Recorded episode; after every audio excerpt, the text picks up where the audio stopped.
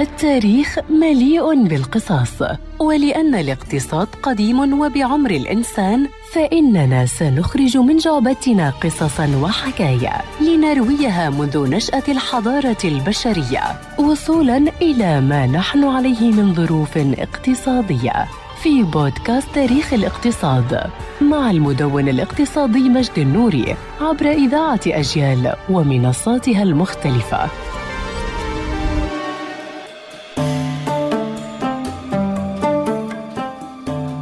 سأتناول معكم تاريخ الأزمات المالية التي عصفت بالعالم في الثلاثمائة عام الماضية وستكون البداية مع أزمة الائتمان عام 1772 فقد بدأت هذه الأزمة في لندن وانتشرت في عموم أوروبا وذلك عندما كونت بريطانيا ثروة هائلة من خلال ممتلكاتها الاستعمارية وتجارتها في فترة ما بعد 1760 وقد خلق هذا حالة من الإفراط في التفاؤل أفضت إلى التوسع الائتماني السريع أي زيادة القروض من قبل الأفراد والشركات لترتفع محافظ البنوك البريطانية. وقد انتهى هذا التفاؤل بشكل مفاجئ بعد 12 عاما وتحديدا في الثامن من يونيو عام 1772 عندما فر ألكسندر فورديس أحد شركاء البنك البريطاني إلى فرنسا هربا من سداد ديونه. بعدها انتشرت أنباء الهروب وعمت حالة من الفزع في إنجلترا حيث بدأ الدائنون في تشكيل طوابير طويلة أمام البنوك البريطانية للمطالبة بسحوبات نقدية فورية. وقد انتقلت الحالة إلى كل من اسكتلندا وهولندا ودول أوروبية أخرى ليرى بعض المؤرخين أن التداعيات الاقتصادية لهذه الأزمة كانت أحد أهم الأسباب في تظاهرات حفل شاي بوسطن التي أدت في النهاية إلى استقلال الولايات المتحدة عن بريطانيا. وما بين هذه الأزمة وذلك الاستقلال هناك أزمات